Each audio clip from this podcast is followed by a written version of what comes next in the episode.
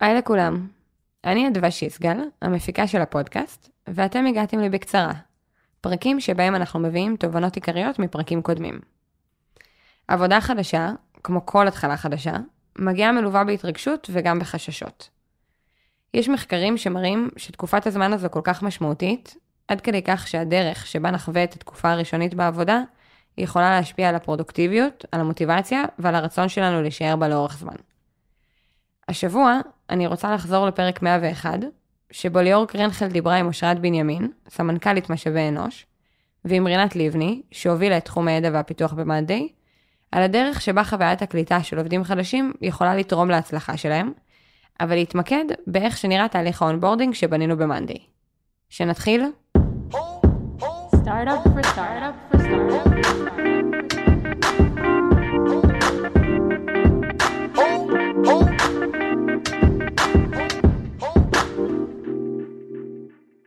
אבל למה בכלל לעשות onboarding? בואו נדבר מספרים. במחקר של חברת Glassdoor, נמצא שתהליך קליטה טוב לעובדים חדשים, משפר את שימור העובדים ב-82%. מה זה אומר? שכמעט כל עובד חדש שמצטרף לחברה, נשאר בה לאורך זמן. אז זה ה-cue שלי, לתת את הבמה לאושרת ורינת, שמכירות את העולם הזה הרבה יותר טוב ממני. הנושא של אה, כניסה לארגון בעיניי אה, הוא מאוד מאוד משמעותי אה, מכמה מקומות. אמ, בראש ובראשונה כי זה נותן לעובד אמ, איזושהי תחושת חיבור מאוד מאוד אה, עמוקה אה, עם המקום שאליו הוא נכנס, ובסוף כל חברה יש לה culture שהוא אחר, אה, ותהליכי עבודה אחרים, ואנשים אחרים, ומנהלים שונים. ובעצם התהליך הזה של onboarding נותן איזשהו ראי ראשוני לעובד שנכנס, לעובד, עובדת שנכנסים, ובעצם מאפשר גם לחוות את החוויה, גם לייצר איזושהי תחושת אוריינטציה. אה, מאוד מאוד בסיסית וראשונית, אה, ובעיקר בהמשך, בשבועות אה, של בעצם אחרי תחילת העבודה, מתחיל לתת את הכלים שבעצם העובדים צריכים בשביל להצליח בתפקיד שלהם, בחברה שהם הצטרפו אליה ולתת בעצם את האימפקט. אז זה בעיניי למה זה חשוב. אני יכולה להוסיף שהמחקרים מדברים על, על זה שבעצם אנשים שעוברים onboarding, הם הופכים להיות אפקטיביים ב-70 אחוז יותר. אני חושבת שזה אחת מחוויות העובד הראשונות אה, והכי משמעותיות אה, עבור העובד. אחד, הוא מבין אם הוא בחר נכון, עשיתי בחירה, אחת המשמעותיות שלי.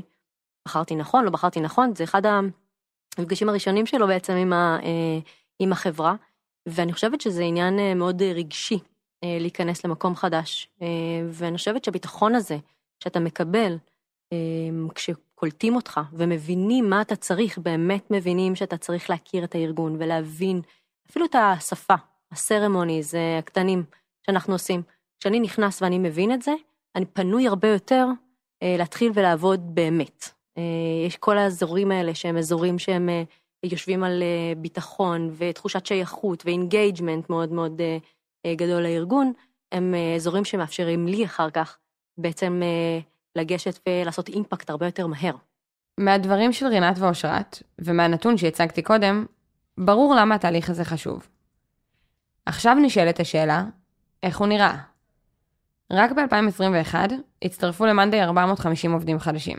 עם כזו כמות של עובדים, ועם הקצב שבו החברה זזה, כל תהליך, ותהליכי קליטה במיוחד, חייב להיות מפורמל ומובנה. אז אנחנו מחלקים את התהליך לשלושה חלקים. החלק הראשון הוא חלק שקורה עוד הרבה לפני שהעובד שלנו הגיע. ביום החתימה הוא מקבל בעצם לינק לאתר שהוא אתר pre-onboarding שלנו, אה, והאתר הזה הוא בעצם כולל בתוכו, בתוכו אה, גם שם יש בעצם איזשהו תהליך שמדבר על הארגון, על מה זה monday, לאן הוא הולך להגיע, לתת לו איזושהי הבנה על מה התרבות שלנו, איך אנחנו, מה אנחנו מעריכים, הערכים שלנו, אה, ואפילו איזשהו סרטון ש... נותן לו איזשהו, איזושהי הבנה איזה vibe בעצם מסתובב אה, במשרד שלנו. אז זה החלק הראשון, ואחר כך בעצם, חלק נוסף הוא בעצם חלק שמדבר על הצוות שלו.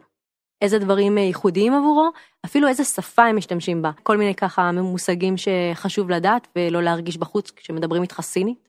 אמ, ואחר כך בעצם יש לנו איך ייראה השבוע שלך, שזה אחד הדברים הכי משמעותיים. אמ, ולכן יש שם ממש פירוט של איזה סשנים הוא הולך לעבור, איך הוא הולך אה, להגיע. יש לו אפילו דרכי הגעה, יש לו, אה, דרך אגב, בחלק הזה יש גם את הבאדי שמתקשר אליך בחלק יום הראשון. לפני, בחלק הראשון, יש גם את הבאדי שכבר שם אה, הוא בא לידי ביטוי, כי הוא בעצם או מתקשר אליך או שולח לך וואטסאפ או, אה, או הודעה ואומר לך, אהלן, אני ה buddy שלך, אני הולך לפגוש אותך, וממש נותן לו תחושה של יש מישהו שמחכה לו. אה, הוא לא הולך להגיע לבד. ואז מתחיל בעצם השבוע הראשון, השבוע הראשון הוא שבוע של onboarding ארגוני אה, ברובו, אה, ושם בעצם אנחנו מלמדים אותו בחצאי ימים, זאת אומרת החצי יום הראשון בשבוע הוא חצי שמוקדש ללמידה של הארגון, ל culture, על איך הערכים שלנו באים לידי ביטוי בכל אחד אה, מה business unit שלנו. פוגש face to face נציגים מכל business unit שמספרים לו בעצם, אחד, מה מיוחד, איך זה עובד, איך ה business unit עובד. הדבר השני שאתה פוגש זה אה, בעצם בסשנים האלה, זה איך אתה בעצם אה, קשור ל business unit הזה, איך אתה קשור ל-R&D או איך אתה קשור ל product ואיך אתה יכול להשפיע הלכה למעשה ומה הקשר שלך אליהם, שזה זה חלק מאוד מאוד מאוד חשוב. אנחנו רוצים לפגוש את האנשים בארגון, אנחנו רוצים לראות מי האנשים שנמצאים בכל business unit, שנראה את הפנים שלהם, שנבין שיש מאחורי, אה, מאחורי כל business unit בסוף אנשים שעובדים, ושכשאני אוכל לפגוש אותו במסדרון, אני אכיר אותו, יהיה לי פנים שאני מכיר, אני יודע, אני אוכל לפנות אליו, שזה אחד הדברים הכי משמעותיים.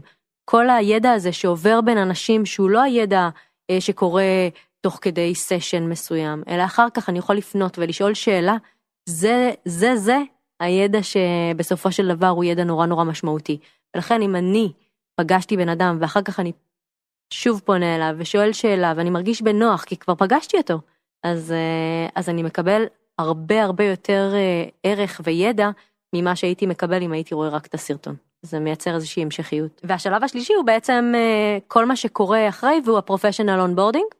professional onboarding זה בעצם החלק שבו מתאפשר לך פעם ראשונה לעשות impact, בסדר? זה חלק אה, מאוד משמעותי, הוא לוקח המון המון זמן ביחס לשבוע הראשון של, ה, של ה onboarding הארגוני, תהליך מתמשך, ואני חושבת שאם אני רגע מחלקת את השלבים, אז השלב הראשון והשני מדבר על ביטחון, culture, engagement, היכרות ראשונית, היכולת להרגיש בבית ולהכיר מסביב, כדי שאני אוכל להגיע לשלב השלישי, ובאמת באמת לעשות impact. וזה השלב, ופה הזמן להגיד שבאמת אה, אצלנו אנחנו אה, מתעקשים על זה שבשבוע הראשון בעצם יש לך, בשבוע, שבוע וחצי הראשונים, אתה בעצם מקבל, אמ, אתה מקבל איזושהי, איזשהו אקטיביטי שאתה צריך לעשות, איזושהי משימה. אני יכולה לתת דוגמה אפילו מה-R&D, שנותנים משימה, לעשות פיצ'ר. זאת אומרת, זה כבר משהו שאתה יכול לעשות אימפקט אמיתי על המוצר. וזה משהו שנותן המון המון ביטחון, המון תחושה של עצמאות, של זה שאנחנו סומכים עליו. מה שמעניין פה זה, או טיפ, זה לבחור נכון את המשימה. משימה צריכה להיות כזאת שתאפשר לך לחוות הצלחה. מספיק מאתגרת, אה, ומצד שני, מאפשרת הצלחה. אז אה, זה משהו שהוא סופר חשוב. אני חושבת שבעצם החשיבה על מה רוצים להשיג אה, בתהליך onboarding או בתהליך קליטה של עובדים חדשים, יגזור את ההחלטות באיזו נקודה להתחיל תהליך onboarding פורמלי, האם זה נכון בחמישה עובדים או נכון ב-30 או ב-200. אמ, אני חושבת שאין כזה דבר בעיניי נכון או לא נכון, כי בסוף יש חברות שבהן בחמישה אנשים אה, יהיה נורא קשה להיכנס, כי המוצר מאוד סבוך, כי הביזנס מאוד מורכב, ולכן צריך אה, לכל עובד שמצטרף להשקיע המון משאבים, אז גם אם זה לא יהיה תהליך מאוד פורמלי, כמו שרינת תיארה שקורה אצלנו, אה, עדיין תהיה, תהיה הבניה מסוימת שמקלה על העובד להיכנס, אבל בעיניי תגדירו קודם כל מה המטרות, תבינו מי, מי ה stakeholders, מי האנשים שלוקחים חלק בתהליך ה onboarding, גם בחברה של חמישה אנשים אפשר לבחור מי האנשים האלה, זה כנראה יהיה כולם בחברה כזו קטנה, אבל מי האנשים שלוקחים חלק בתהליך ה onboarding, איך פורסים אותו לשלבים, מה בעצם האבנים הגדולות שצריכות להיכנס שם ברמת חוויית העובד, ו- ומה ה-SLAs, מתי כל דבר כזה צריך לקרות, ו- וברגע שזה אה, קיים, אפשר להתחיל לבנות את הפרטים. עד עכשיו דיברנו על onboarding כתהליך כללי שזה לכל העובדים. אבל חלק מהעובדים נכנסים למשרות של מנהלים, והתהליך עבורם נראה קצת אחרת. אז אני אתחיל קודם כל מ- מלומר ש onboarding למנהלים, או מנהלים שנכנסים כעובדים חדשים אה, לארגון, מתמודדים בעצם עם אתגר כפול.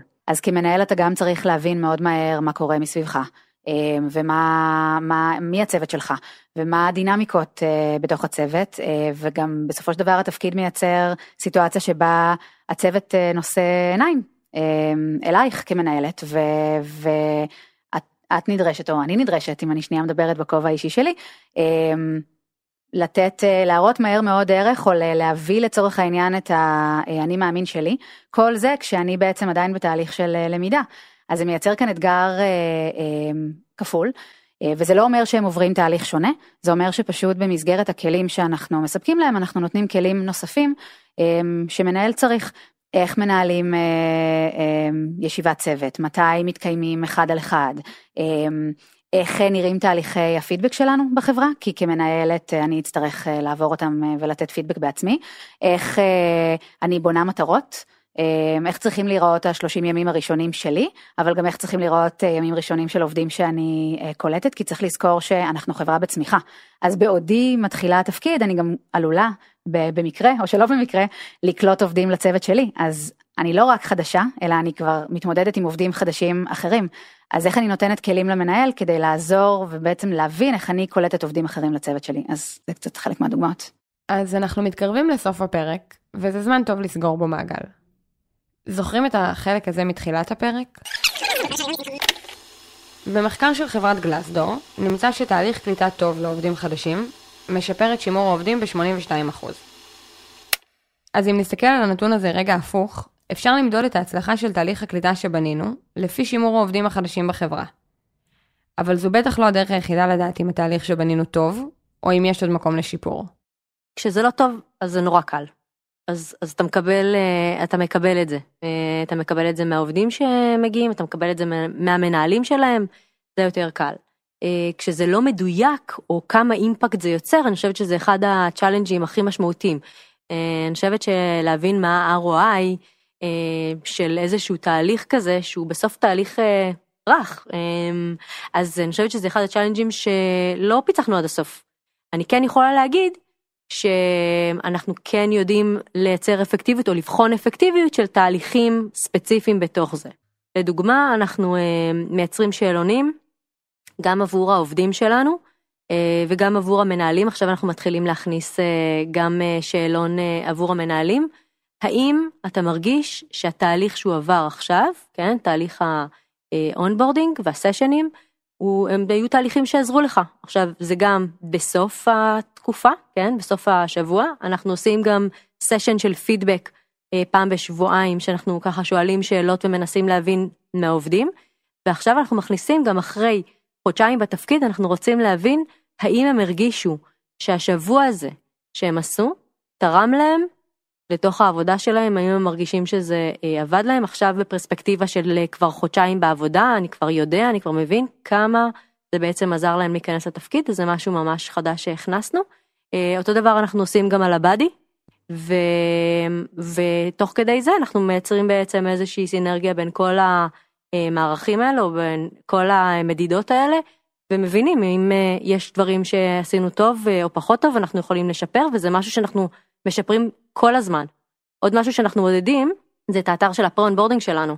אנחנו ממש אה, בודקים כמה אנשים נכנסו, לאן הם נכנסו, אמ, מה היה יותר טוב, אנחנו ממש יכולים לראות את השינויים כשאנחנו מבצעים שינויים באתר שלנו, מכניסים עוד אה, חומר איפשהו, משנים אפילו את, אה, את מהלך, כאילו איך אתה נכנס לתוך ה site הזה, את התפריטים, ואנחנו רואים איך זה משפיע על התנועה בתוך האתר. אז זה משהו שהוא חי, ואנחנו ממש עכשיו הכנסנו את זה, ואנחנו רואים ממש הבדלים, כבר עשינו שינויים. אם אני לוקחת אה, מדידה תומכת, שהיא לא אולי pure ל onboarding, אבל יכולה לתת לנו עוד אה, תובנות, אז למשל זה הנושא של אה, quality of hire. כי בעצם כשאנחנו מסתכלים שלושה חודשים אחרי תחילת העבודה, והמנהל ממלא סוג של שאלון, ומדרג בעצם את החוויה שלו בעבודה עם אותו עובד חדש, אה, האם הוא עומד בציפיות, מה רמת המוטיבציה, כמה הוא, אה, כמה הוא, היא מתאימים לקלצ'ר, אה, וכן הלאה, אני חושבת שזה מודד הרבה דברים, אבל בין היתר, אם אנחנו מסתכלים באופן די מגמתי,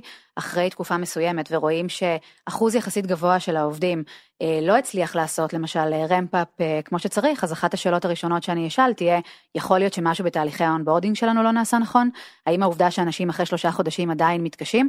אולי זו טעות גיוס. לא בטוח שזה זה, אולי זו טעות גיוס, אולי אה, אה, אה, באמת המנהלים שלהם היו צריכים להיות יותר נוכחים, יש הרבה משתנים מתערבים בדבר הזה, אבל זה כן יכול אה, להסיט זרקור ל onboarding כדי שנבחן את עצמנו. אז אני חושבת שאפשר להסתכל על זה בצורה יותר רחבה, אני גם אגיד שבמקום האיכותני יותר, אה, יש לנו צוות של אה, HR Business Partners שנמצאות ביחידות עצמן, ואני חושבת שהעובדה שהן חיות את השטח ועובדות אה, עם העובדים עצמם ועם המנהלים, הן יכולות והן מספקות לנו המון המון תובנות תוך כדי תנועה מעובדים חדשים שהתחילו, מה שגורם לנו לדייק כל הזמן את התהליך. אז אני חושבת שבגדול השילוב הזה בין מדדים כמותיים למדדים איכותניים אמור לתת תמונת מצב די טובה. מה שאני לוקחת מהפרק הזה, זו החשיבות של חוויית ה onboarding. אולי אפילו ניקח רגע ונדמיין את שני התרחישים הבאים. תרחיש א', אני מגיעה ליום הראשון בעבודה, אבל עולה בטעות לקומה הלא נכונה. אוקיי, בקטנה. מוצאת מישהו לשאול, ומצליחה להגיע למקום שבו אני אמורה להיות, רק כדי להבין שאני לא יודעת מה לעשות מכאן. אני אמורה ללכת לשולחן כלשהו, לפגוש מישהו, להתחיל להריץ נתונים על מחשב? בתרחיש ב', לעומת זאת, מישהו מהצוות שלי כבר התקשר אליי כמה ימים לפני היום הראשון, כדי להגיד לי להיות בתשע בקומה מסוימת, ואז פגש אותי שם, עשה לי סיור במשרד, והסביר לי איך עומדים להיראות הימים הקרובים. בניית תהליך שמבטיח שהימים הראשונים יהיו דומים יותר לתרחיש השני, יכולה לא רק לייצר עובדים ומנהלים שמשתלבים מהר יותר בחברה, אלא גם ממש לגרום להם לרצות להצליח בחברה ולהיות טובים בה בלונגרן. ובסוף, נראה לי שזו המטרה, לא? אז עד הפרק הבא של בקצרה, אני אזכיר שאם אתם רוצים לדעת כל פעם שיוצא פרק חדש, אתם מוזמנים לעקוב אחרינו בכל אחת מהאפליקציות, או ללחוץ על כפתור הפעמון בספוטיפיי. ואם יש לכם שאלות, אפשר לשאול אותם בעמוד הפייסבוק שלנו או באתר. תודה שהאזנתם. Startup for startup for startup.